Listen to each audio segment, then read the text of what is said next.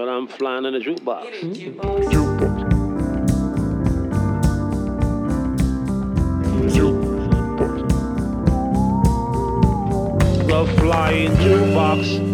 Hej och välkomna till den flygande jukeboxen, en podd av, med och för musikälskare. Mitt namn är Patrik Stanelius och i det här avsnittet, årets sista avsnitt, har jag sällskap av Adam Olenius.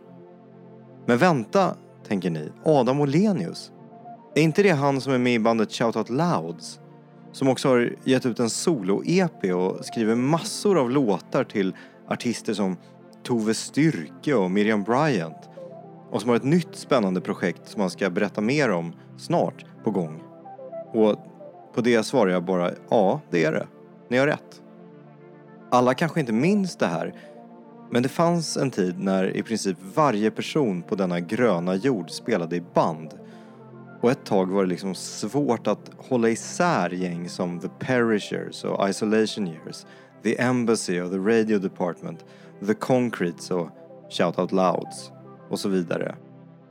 Det finns såklart band nu också men den där blomstrande indiescenen ser inte längre ut som den en gång gjorde. Och på den där blomstrande indiescenen så var det ett gäng som skrev låtar som Hurry Up Let's Go, Tonight I Have To Leave It, Please Please Please och The Comeback. Och de hade en kille som lät som en svensk Robert Smith när han sjöng. Och det var Shout Out Louds och Adam Olenius. Shout Out Louds tuffar på. De skriver fortfarande låtar, bra låtar. Och det är inte bara Adam som sjunger. Blue Headlights till exempel med Bebban Stenborg på lead microphone är en av mina favoriter i bandets katalog. Och Adam Olenius röst har åldrats som ett av de fina vinerna som bandmedlemmarna bokar sina turnéer kring. Adam får förklara det där sista själv sen. Hörni, tack för att ni lyssnar. God jul, gott nytt år. Allt det där. Vi hörs snart igen. Nu kör vi! Adam Olenius, stort tack för att du slår upp porten till din hemliga studio någonstans i Stockholm idag och släpper in mig här med alla grunkor och grejer. Det är lugnt. Det är Ja. roligt att få vara med din podd. Jag har en fråga till dig. Är det så att du vaknar på morgonen och hör hooks i huvudet direkt? Eh, det beror på eh, var jag befinner mig i min arbetssituation om man säger så. Om jag är mitt i en inspelning eller något skriv så kan det vara så ja. Ja, Men just nu eh, har jag lite ledigt. okej. Men vad gör du med alla hooks? Lägger du, alltså nynnar du in dem i eh, voice memo-appen i telefonen? Ja, eller? men det gör jag. Men nu sitter vi också nu sitter vi i min studio så oftast försöker jag komma ihåg den så brukar jag spela in det här. Och Ja. då, börjar, då kommer jag också längre. Vilket är, då har jag liksom på något sätt gjort mitt jobb bättre. Det låter faktiskt väldigt så här, moget.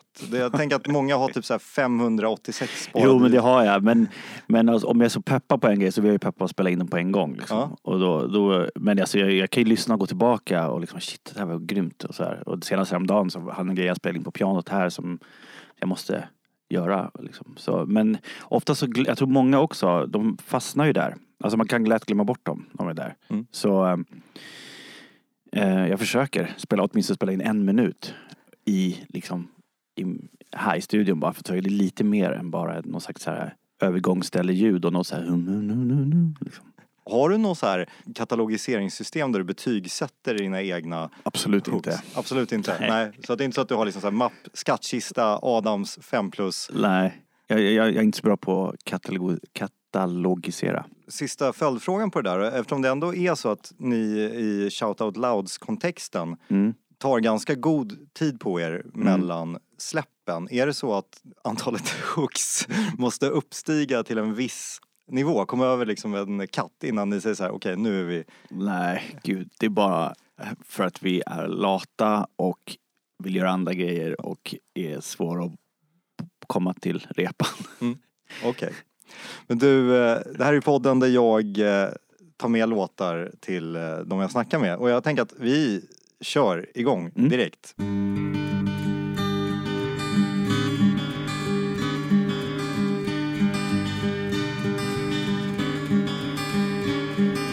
Människor på tåg och människor i öknen och människor på femtonde våningen som känner ledan sövd av resedan eller blinkande ljus. Människor på hav, tysta hästar genom natten och röda eldar som har glömt att brinna, som känner skuggan så tiden lämnar inga grässtrån i grus. Kom hit igen när solen sjunker och djungeln fyller Lojsa hel. Jag hörde dig i vinden som en gryningskör där du var med.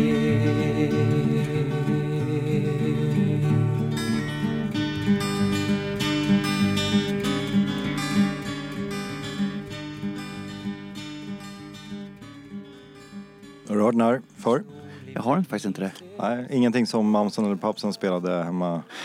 Nej, alltså mina föräldrar spelade, min pappa min spelade inte så mycket svensk musik när jag växte upp. Så jag känner att jag har lite ett hål faktiskt där. Det är faktiskt därför jag valde Valarna som sjunger, Jan Mm. Hammarlund, Turid Lundqvist. Otroligt fin. Året är 72 eller 73 Mm. och eh, apropå det här med eh, att eh, du har, eh, du säger att du har luckor i eh, liksom din svenska musik, eh, vad ska man säga, lyssning. Mm. Du har ju i princip alltid skrivit låtar på Mm. engelska Mm. också. Men nu är du ju med som creddad låtsk- låtskrivare på Miriam Bryants Mm. svenskspråkiga album. Mm. Eh, låten passar dig, eller hur? Mm. Har du varit med och bidragit till texten där eller är det... Nej, jag har text också, absolut. Men det är, det, är, det är nytt för mig att skriva på svenska. Jag har väl skrivit på svenska lite grann eh, sista fem åren typ. Mm. Också jobbade nu senast med Thomas Stenström och, och så. Det, och det är väldigt roligt, alltså jag gillar att skriva på svenska. Och jag försöker göra det mer och mer. Och vi har väl lite planer att få in lite sådana saker även i bandet på något sätt. Okej. Eh, Jag vet inte riktigt hur Men- vi gör. Då är jag nyfiken för att du fram tills för då typ kanske fem år sedan så har du ändå liksom hela ditt eh, skapande och allt det där är på engelska och då, då bygger du ju upp en eh, persona, en värde eller, eller typ det är en järnmössa som du drar på dig Mm. när du ska skriva.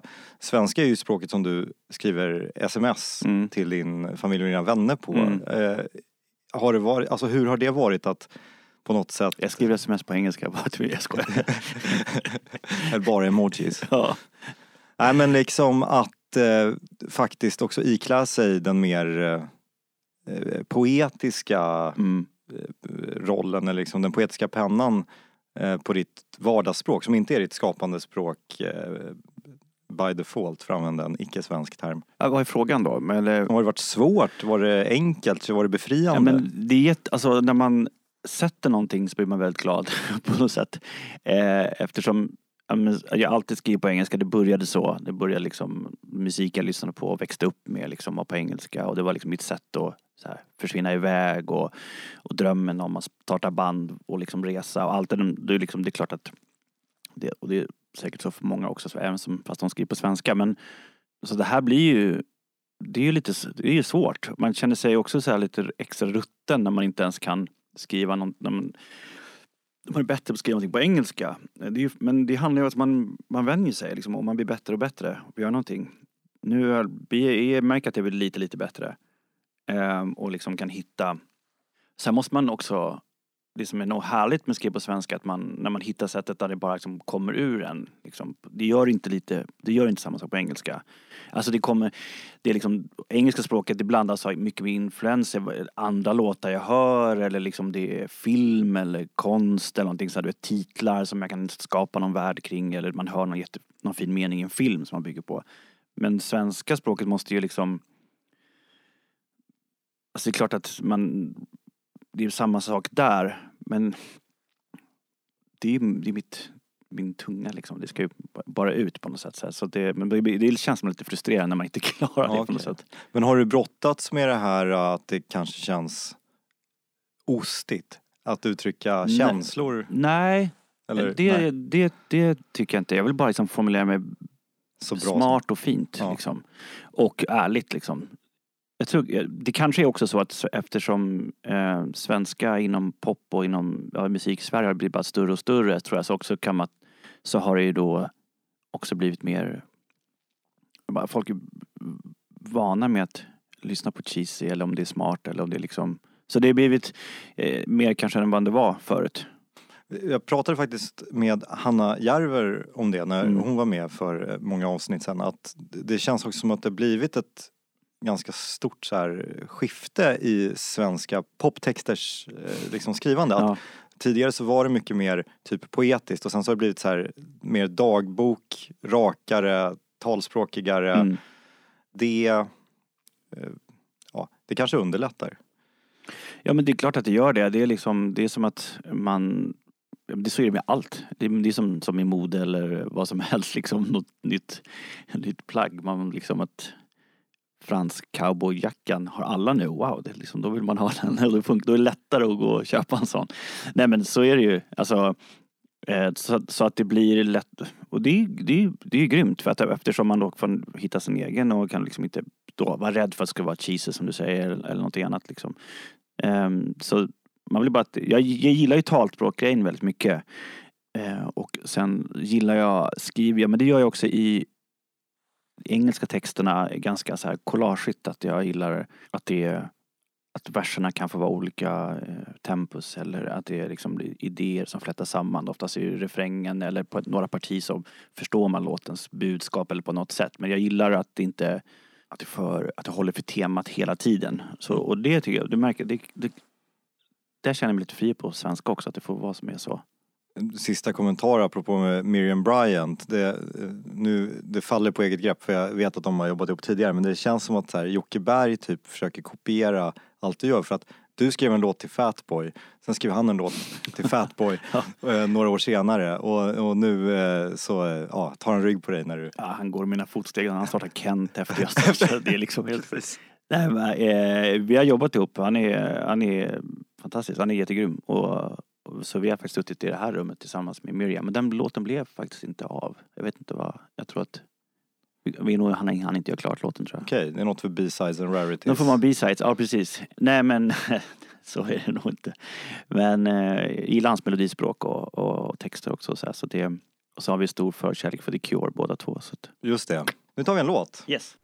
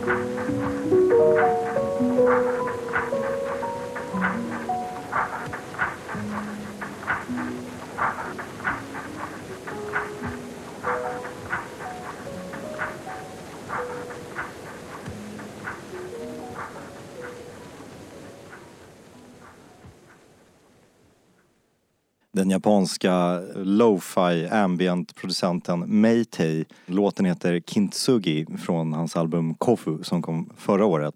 Känner du till det japanska begreppet kintsugi? Nej. Det är en, eh, en form av porslinshantverk där du tar ett trasigt porslinsföremål, lagar det och i fogarna, alltså i sprickorna, så lagar du med någon sorts eh, guldpulver så att Okej. sprickorna och det som blivit trasigt blir vackrare. Vad hette det? Så här? Kintsugi. Kintsugi. Det är en eh, gammal japansk konstform. Och eh, våren 2002, för snart 20 år sedan, så står ju du och några vänner och Mm. pajar jättemycket porslin Ja, på eh, NK. just det. Som någon sorts konstinstallation, eller det var någon slututställning på Forsbergs skola. Ja, Berätta. vad sjukt. Vi hade slut... Eh, vi hade föreläsning om varuhusets historia. Alltså så här, jag kommer, kommer inte ihåg, vi hade en sjukt bra eh, lärare som heter Dennis Dahlqvist som är på SVT tror jag nu. Och är så här kultur... eh, Ja just det, men det är ett namn man känner igen. Ja. Men han har jättemånga så bra föreläsningar och det är de jag nästan minns, minns mest från de skolåren. Ja, han, han är allt, liksom, allt om Warhol och, liksom, och eh, Joseph Beuys, massa, massa stora liksom. Och då prat, kom vi in på arkitektur och varuhusen och så fastnade de för det. Och då eh, har vi alltid ett tema, eller utställningen har oftast ett tema då på de här konstskolorna och så. Och då hade vi, kom vi på att vi skulle göra den på NK, själva utställningen, för att vi hade så tråkiga lokaler på skolan. Och då tog vi liksom, jag tror det är Rem Koolhaus som är känd arkitekt som hade skrivit mycket böcker om varuhusets historia, hur det förändrats och alltihopa. Så mm, då valde vi eh, en linje på frustrationen tror jag när man handlar om det att om man har råd eller inte eller man bara har julstress och alltihopa. Då skulle man då i den här shoppingmiljön skulle man då kunna avreagera sig. Så då byggde vi liksom en stor låda. Jag tror några av oss elever på Carl Malmsten hjälpte oss. Eh, och då fick man gå in i den här lilla boxen och kasta porslin för att liksom bli av med frustration för att kunna antagligen handla mer eller bara liksom klara sig över dagen. Ehm, så det var, det var sjukt roligt. Så, men det var länge sedan. Ja, men och, eh, alltså, eh, det var inte bara porslinspajarrummet utan det fanns... Det fanns, alla hade olika stationer. Det här fanns olika Ja. stationer, bland annat en som var att man skulle klättra upp för fasaden via repsteget, ta sig in genom ett fönster på andra våningen och åka linbana tvärs över ljusgården. Ja, var det någon som gjorde det eller? Det känns som många av de där projekten, någon som kom på att bara, gud vad cool idé och så gick det aldrig att göra. Det gick aldrig att liksom. göra, okej. Men, eh, Jag kommer jag vet inte fasen vilka det var. och, och det, det här var liksom slututställningen så det betyder att du gick färdigt den där utbildningen. Ja, jag Vad gick var det för eh, linje? Eh, grafisk form och Mm. reklam, alltså så, man blev väl någon slags art director av något slag. Mm. Ehm, så jag gjorde, gick den eh, och skulle fortsätta en bachelorutbildning och kom in på London College of Printing också. Så jag var där på, in, på intervju och kom in. Men då fick jag ett samtal från EMI-förlaget och de sa att de ville signa oss Mm. som Luca Brasi hette då. Nej, vi hette nog Shoutout Loudstore tror jag. Jag kommer inte ihåg. Om det var precis. Men så då sköt jag upp det i typ fyra år tills de ringde och sa nu får du inte komma tillbaka. Okej, men du har ändå kunnat eh, praktisera dina estetiska skills, i, alltså det visuella. Dels på eh, bandets Ja. grejer, men och sen kanske utanför det blev lite sådana grejer i början. Eh, jag tror jag så här, tog lite extra jobb innan vi var, liksom, när, när bandet tog all tid. Speciellt i början när vi var turnerade liksom, så otroligt mycket. Men så jag gjorde några grejer, men sen har jag gjort allt i bandet. Nu sista jag, jo, jag gör vill fortfarande sen, sen Karl som spelar gitarr jobbar med det fulltid nu också mellan, mellan turnéer och så. Så att Mm. han tar hand om det lite mer än vad jag gör men vi liksom ADar ihop hur vi vill göra skivan och så. Eh, på tal om Karl som spelar gitarr, eh, ryktet på stan säger att han är otroligt vinkunnig. Det riktigt stämmer tror jag. är, det, är det alltid han som eh, tar vinbeställningen när ni eh, äter middag Eh, ute? Ja, det beror på. Det beror på. Nej men dålig stämning om någon beställer en chablis till något som ska vara Exakt. Riesling. Ja, verkligen. Nej men vi har alltid varit så här matintresserade i bandet och än, även sedan vi började. Sen har liksom det varit olika, olika eh, trender vad vi gillar liksom. Men jag kommer ihåg vår manager blev skitsur på oss. Vi skulle släppa work-skivan. Och det var så jätteviktigt att vi var tvungna att trycka på sänd på någon grej som skulle lägga, alltså jag kommer inte ihåg. Och han försökte ringa oss och ingen i bandet svarade för vi stod i så här kön till Systembolaget för de hade något nytt släpp. Så man var tvungen att stå i 100 meter kö. Han blev så jävla sur. Så, eh, ja men, eh, ja men Karl är grym. Eh, och alla gillar liksom alla sina specialiteter. Så därför, det är så här när vi turnerar liksom så ser vi alltid till att liksom att gå på någon bra restaurang eller bara på någon rolig restaurang eller köpa vin eller köpa liksom något konstig spritsort liksom som smakar salami eller något, jag vet inte. Så är så här, vad fan ska ni gigga i Bulgarien för? Och så, så har du öppnat en Michelin-krog där och så lägger man ihop ett och ett. Helt seriöst. Östeuropa har vi inte varit så mycket så den, den ska vi spela och äta oss igenom. Fett! Då hoppar vi vidare. Mm. Jag kan säga, jag kan förvarna dig Adam att nu kommer det bli en ganska långrandig och eh, långsökt koppling här. Okej. Som de inte andra har varit i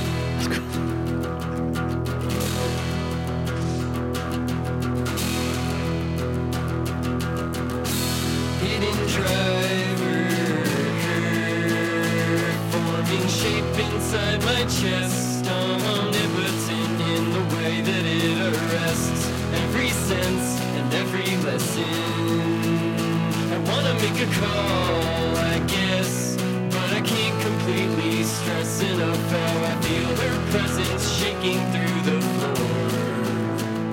And what's more is that I can feel three angels forming a place between everything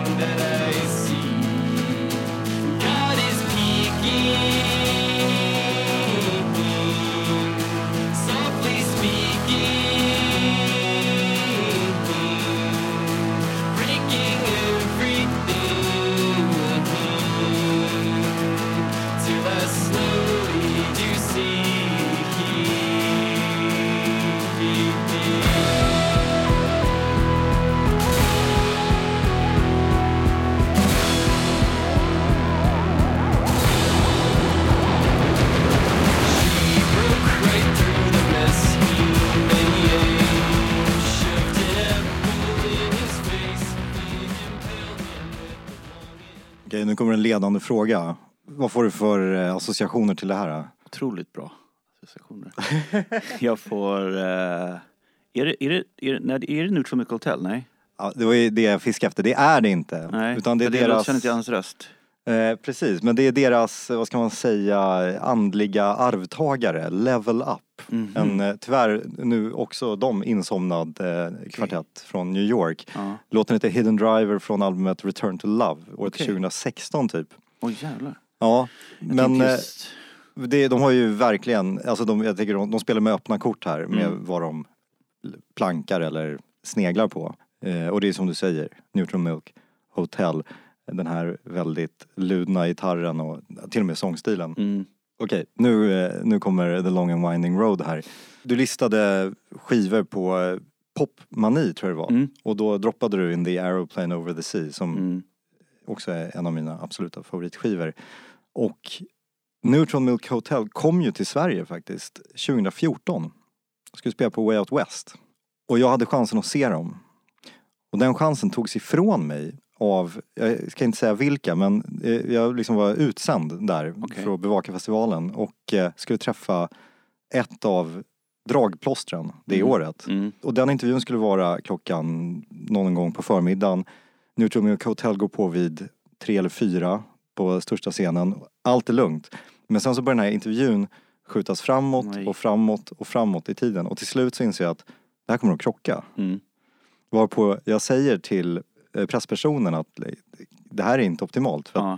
jag, jag måste se Milk Hotel. Du Ja. hade inte riktigt en förhandlingsposition. Nej. Och den här personen säger, vad, vad är det? Mm. Och säger, men det är ju fuzz-folk-pionjärerna. Mm. Liksom, som bara släppt två album som är fantastiska. Och då springer den här presspersonen till personen jag ska träffa säger, Mm. hörni, hörni, hörni. Vi måste skjuta på intervjun. Den här killen vill se, vad kallade du dem sa du? Ja, fuzz, folk-pionjärerna. Var på ett helt rum och människor bara kastar sig på golvet och vrider sig i skratt.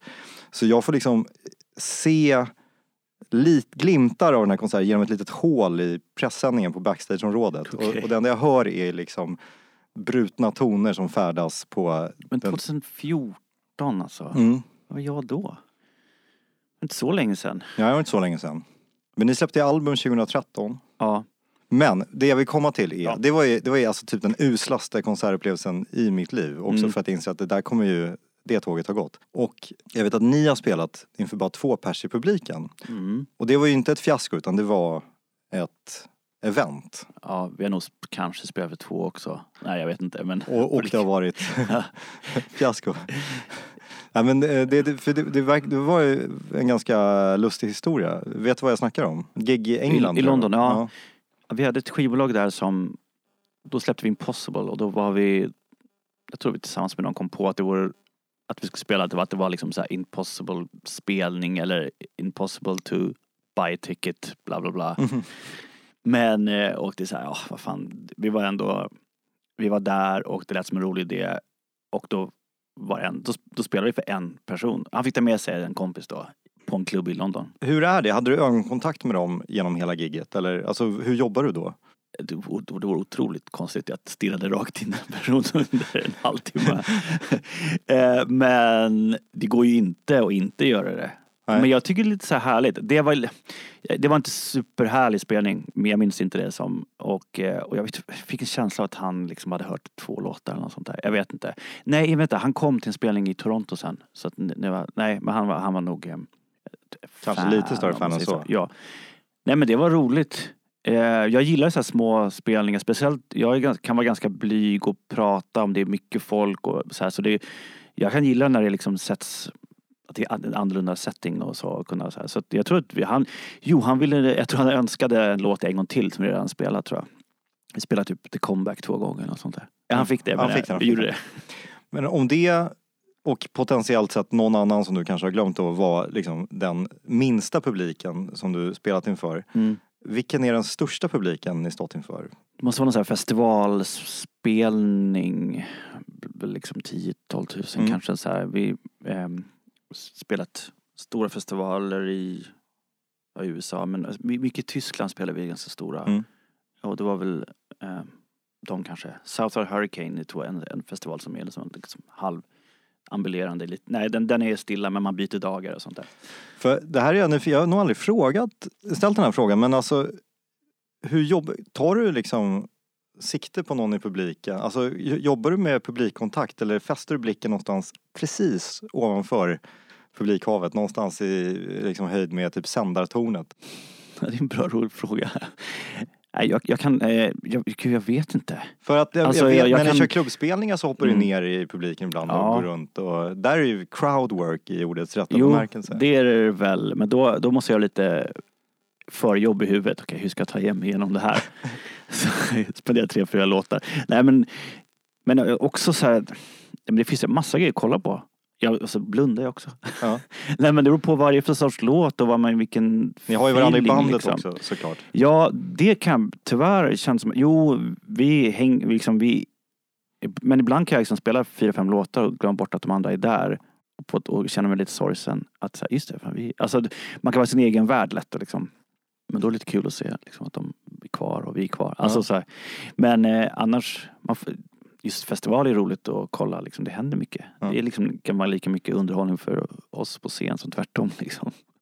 Men ehm, det beror jättemycket vad, vad man är på för humör, tror jag.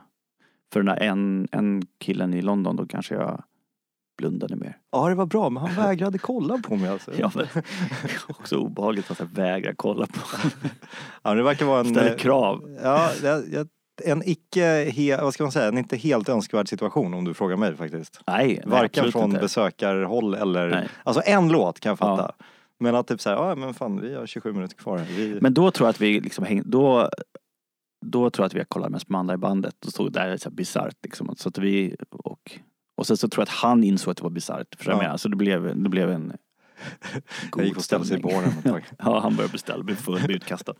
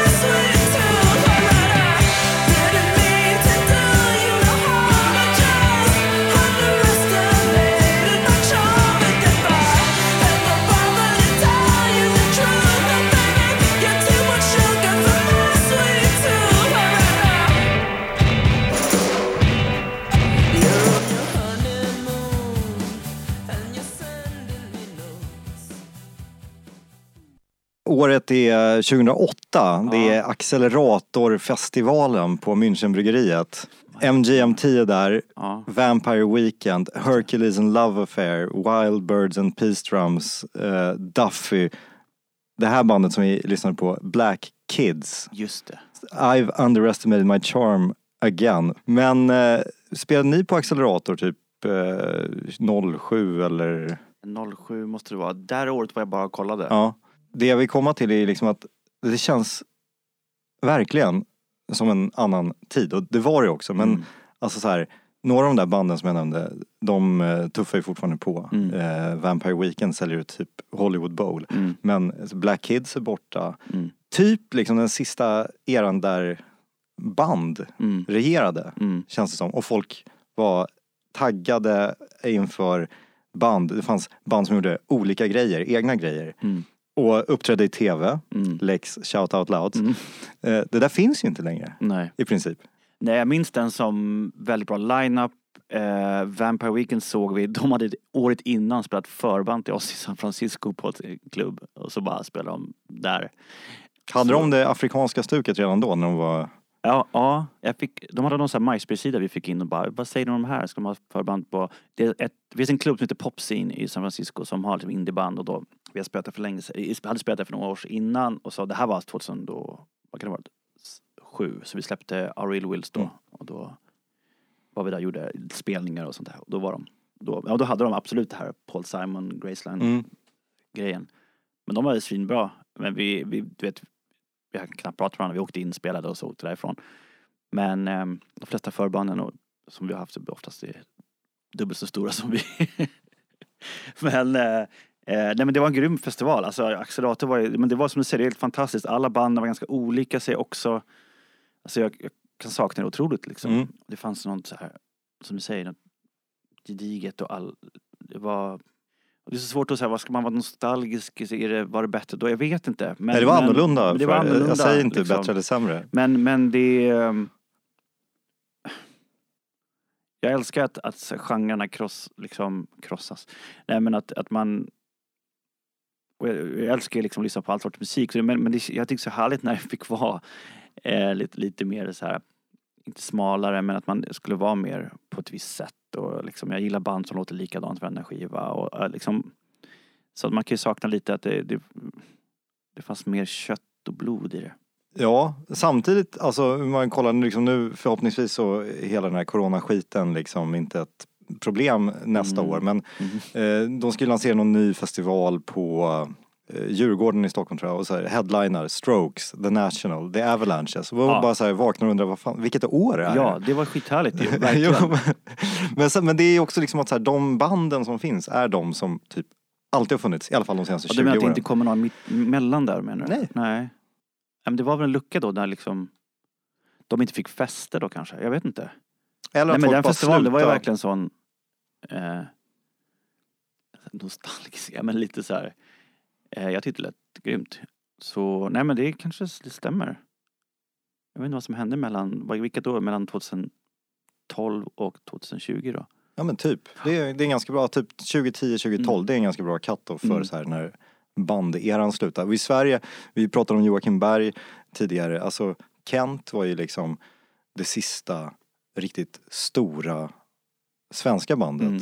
Absolut. Det finns ju ingen riktigt som har, alltså nu är det ju soloartister sedan ganska många år tillbaka Mm. som fyller den luckan i Mm. eh, mainstreamen. Jag vet. Det är, mm. vi, vi banden, vi har det tufft. Ja, men eh, Shout Out Louds tuffar på och Mm. eh, det ska vi faktiskt snacka om nu.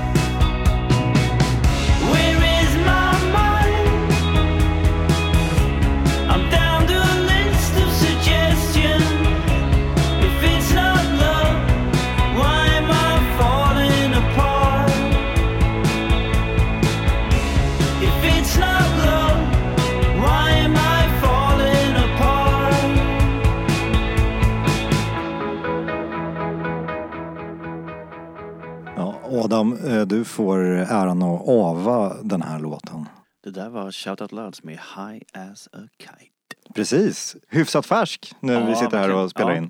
Det kan man säga. I alla fall i släppt format. Ja. Och hur länge har du levt med den i skrivet format? Mm, Tre, tre år kanske. Okej. Jag, kan säga, jag var ju liksom inte beredd på att den här låten skulle sätta sina klor i mig, men det har den gjort. Ja, vad grymt. Och eh, det är ju lägligt att vi sitter mitt emot varandra för då kan vi snacka om den. En sak som jag tar fasta på, fäste på, fasta vid. Mm. En sak som jag tänkt på är att eh, i din eh, text här så, alltså på något sätt så tillåter du dig själv att eh, förmedla vad du är i livet just nu. Mm. Du går och hämtar ungarna. Mm. Livet är bra. Vad, vad, vad fan har hänt? Det är också någonting som har kommit upp tidigare i podden men det här med eh, alltså när texter inte nödvändigtvis, det finns ju liksom rockband som typ Rolling Stones som fortfarande sjunger om att haffa kjoltyg och Mm. eh, rocka. Och vilket Mm. de säkert också gör. Men eh, det är ganska få artister som låter eh, musik och text spegla var de befinner sig i livet i den fåran som ni jobbar i. Mm. Alltså är man typ John Prine så handlar det bara om att man har ont i höfterna. Mm. Alltså be- berätta, var det, var det självklart för dig eller svårt att eh, åldras i musiken på det sättet? Om du förstår vad jag menar. Ja, ehm, ja men jag, just den här låten kom bara ut. Alltså det är den snabbaste texten jag skrivit. Ehm, och det var väldigt skönt. Jag blev liksom väldigt så här, förälskad i hur liksom, det här gick till. Och den, sen blev den här låten, jag kommer inte ihåg vilken om den kom sent eller tidigt för den här skivan. Jag minns inte riktigt om Jag tror att den skrevs ganska, det var nog en av de sista låtarna jag skrev på, för den här nya skivan House då. Um, så det blev Det kanske kommer rinna över på, till, till nästa skiva eller till nästa låt eller vad det nu som händer. Men jag, det blev väldigt det var väldigt skönt och, det, och jag gillade liksom och, och, och sjunga och, och hela, hela den här inspelningen har varit väldigt så här, fri. Eh, vi har varit väldigt noga med att så här, vi, vi repar och så vi har valt att det ska vara väldigt ärligt och enkelt. Både hur den låter liksom. Det här låter typ som någon slags ACDC nästan. Typ. I liksom, förutom att det är lite så här slingiga gitarrer. Men det gick hand i hand med musiken och liksom jag ville att det att, ehm, jag kan inte säga att jag har gömt mig bakom men det har varit lite mer kanske ehm, flörtar med, jag har gömt lite grejer och att jag tycker det är lite härligt och det gör jag fortfarande för sig att man med textmässigt att det är liksom metaforer för saker och sånt där. Mm. Mest för att inte vara för tydlig för att jag vill att den som lyssnar ska hitta sin egen. Men Ja, låttiteln kan man ju tolka på flera sätt Ja, till exempel. Men, men, men jag, det är också, hittar man, hittar man då rätt punkt märkte jag nu att så, här, så behöver det inte vara, jag tror det är det jag sjunger om här kan funka för även fast man inte hämtar sina barn på förskolan. Men utan det finns någon, något eh, sätt att se livet på. Absolut, men jag jag tycker det är intressant att det liksom går ju ändå att applicera utifrån sett i Mm. alla fall väldigt mycket på, det känns väldigt ärligt. Sen undrar jag, har Frank Black ringt och eh, tackat Ah. för passningen? Ja, nej, det har han inte gjort. Jag, ja, jag, vet, jag vet inte. Ja, han har inte kommit, alltså. Jo, det är en jättefin låt. Men det, det, den, det, den skrevs för att eh, det, jag menade vad jag sa. Jag kände mig så. Mm. Det finns nog mer textrader gömda bland mina låtar som man kan få lite argare, argare samtal av. Men jag tror att det här känns lugnt. Ja, nej, jag är inte orolig. Han får Nej. gärna ringa för sig. Det vore kul att snacka med Ja. honom. Eller ja, jag vet inte. Han verkar sur. Det- Det kanske bara är utåt sett. Ja, sant. Du, när jag ändå har dig på tråden här, eh, du är ju faktiskt eh, dubbelaktuell. Vet, det, nu är inte du ensam i allt det här, Nej. eh, vet jag såklart. Men eh, det är du och jag som sitter och snackar så du får vara representant både för Shout Out Louds och det här.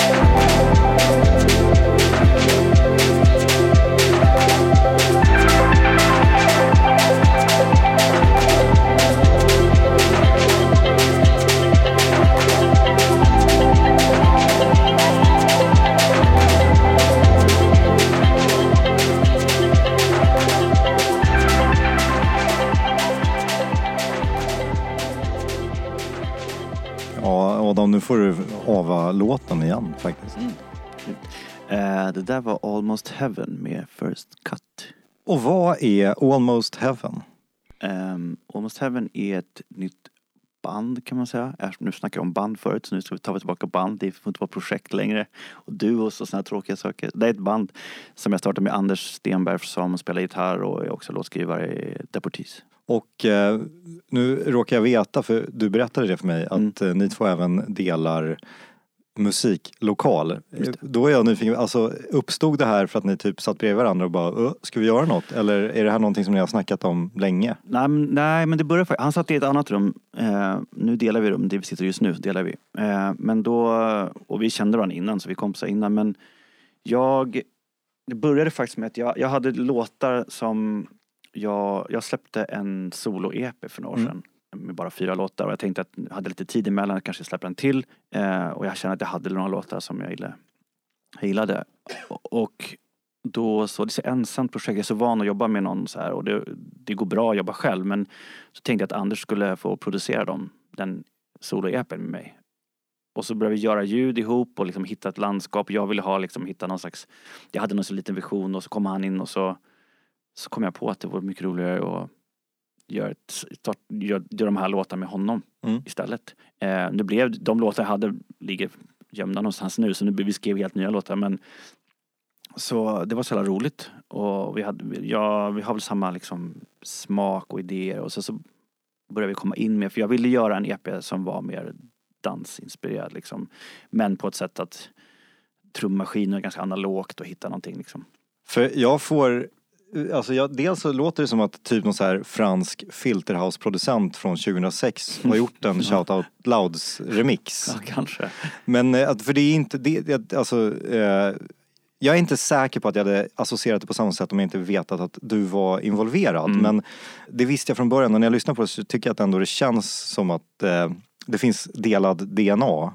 Och de, den är ju du då, då. Men det är också, jag slungas tillbaka i tiden typ 15 år och det är, alltså, det, är det är inte menat som någon sorts förolämpning eller så. Nej, det är, det är Men just att det är, det är ett sound, verkligen ett sound som eh, hördes mer förut och sen så Mm. gör ni ju någonting eget.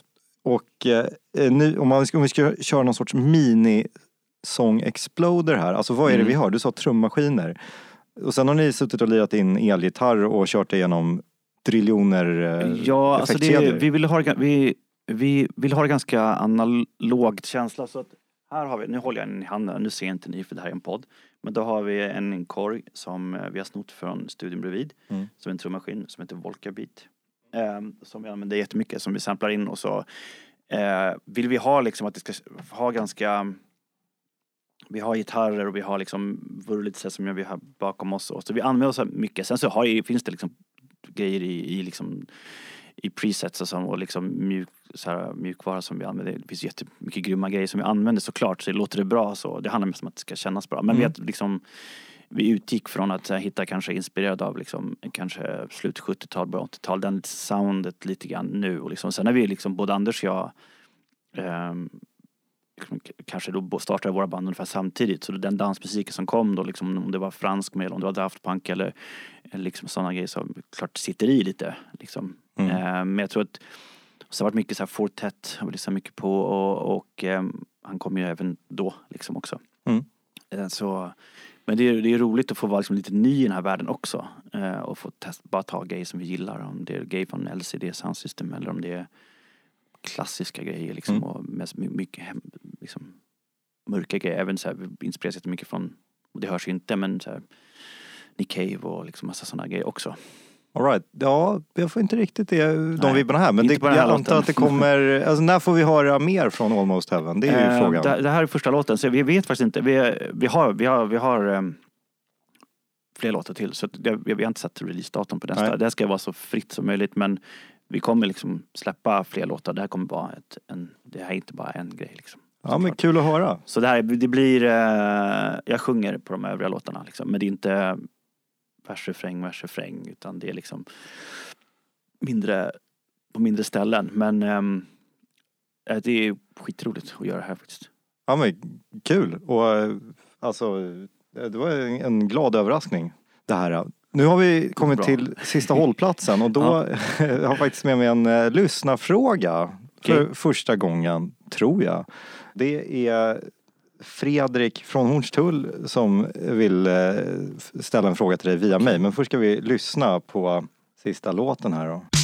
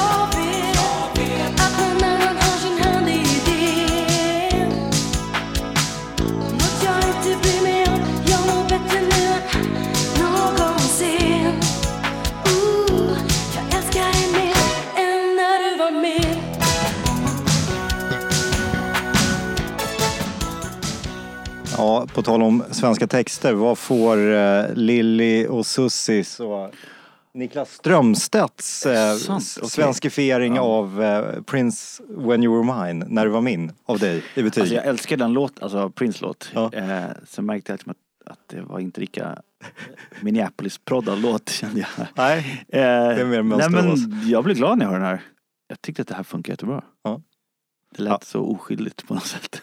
Ja, ja men precis. Och, alltså, ska man sno en, eller göra en cover på en Prince-låt så finns det ju väldigt många sämre att välja ifrån. Ja, man får, ja, vilken, ja verkligen.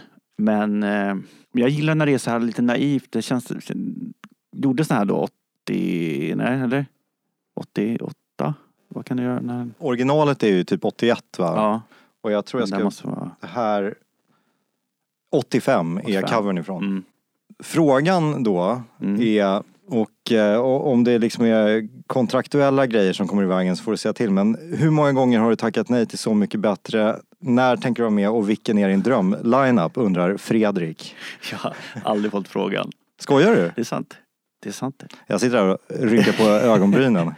Och även så sitter ändå två dörrar ner sitter ändå kapellmästaren från Så mycket bättre.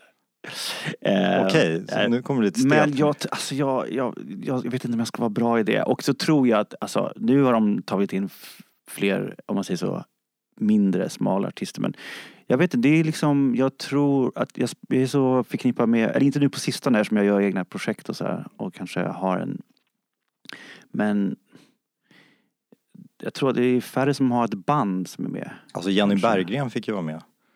Ja, det of fick Base. hon. Och Ja, rappa. ja. Ja, alltså eh, jag har inte fått frågan, man vet aldrig. Nej. Så kan jag säga. Och drömline-upen då? Är det Lykke Li, Björn Yttling, Jay Maskis gud och Bebban. Stenborg? Ja, och Robert Smith. Ja. Gud vad skönt det skulle vara. Fast det skulle, gud, det skulle bli ett, ett stiff, en stiff säsong alltså. Nej, jag, jag, jag, har, gud, jag, har inte, jag, jag har inte tänkt på det eftersom jag inte... Jag tycker det verkar... Jag jobbade som sagt med Thomas för en vecka sedan och han var ändå... Jag tycker det ändå verkar liksom litet... En härlig grej och... Alltså... Inte få göra, men det känns ändå så att man jag kan gilla det här eh, lägerkänslan kanske man, man får. Eh, sen så Sen ser man ju de där gängen runt på stan nu. Liksom. Man går på någon konsert så kommer hela liksom, förra säsongen gående som en klunga. Det tycker jag är lite fint också. Ja. Nej men Fredrik, jag, jag har inte fått frågan. Jag vet nog inte om jag någonsin kommer med. Eh, men eh, kommer vi med så, Då får du kolla. då, ja, Adam, Mm. this is it. yes. Vi är klara här. Hur känns det? Det känns bra. Det var Ja. roligt. Kul. Tack som sagt för eh, att du tog dig tid. Lugnt. Och eh, god jul. Detsamma. Gott nytt år. Gott nytt år.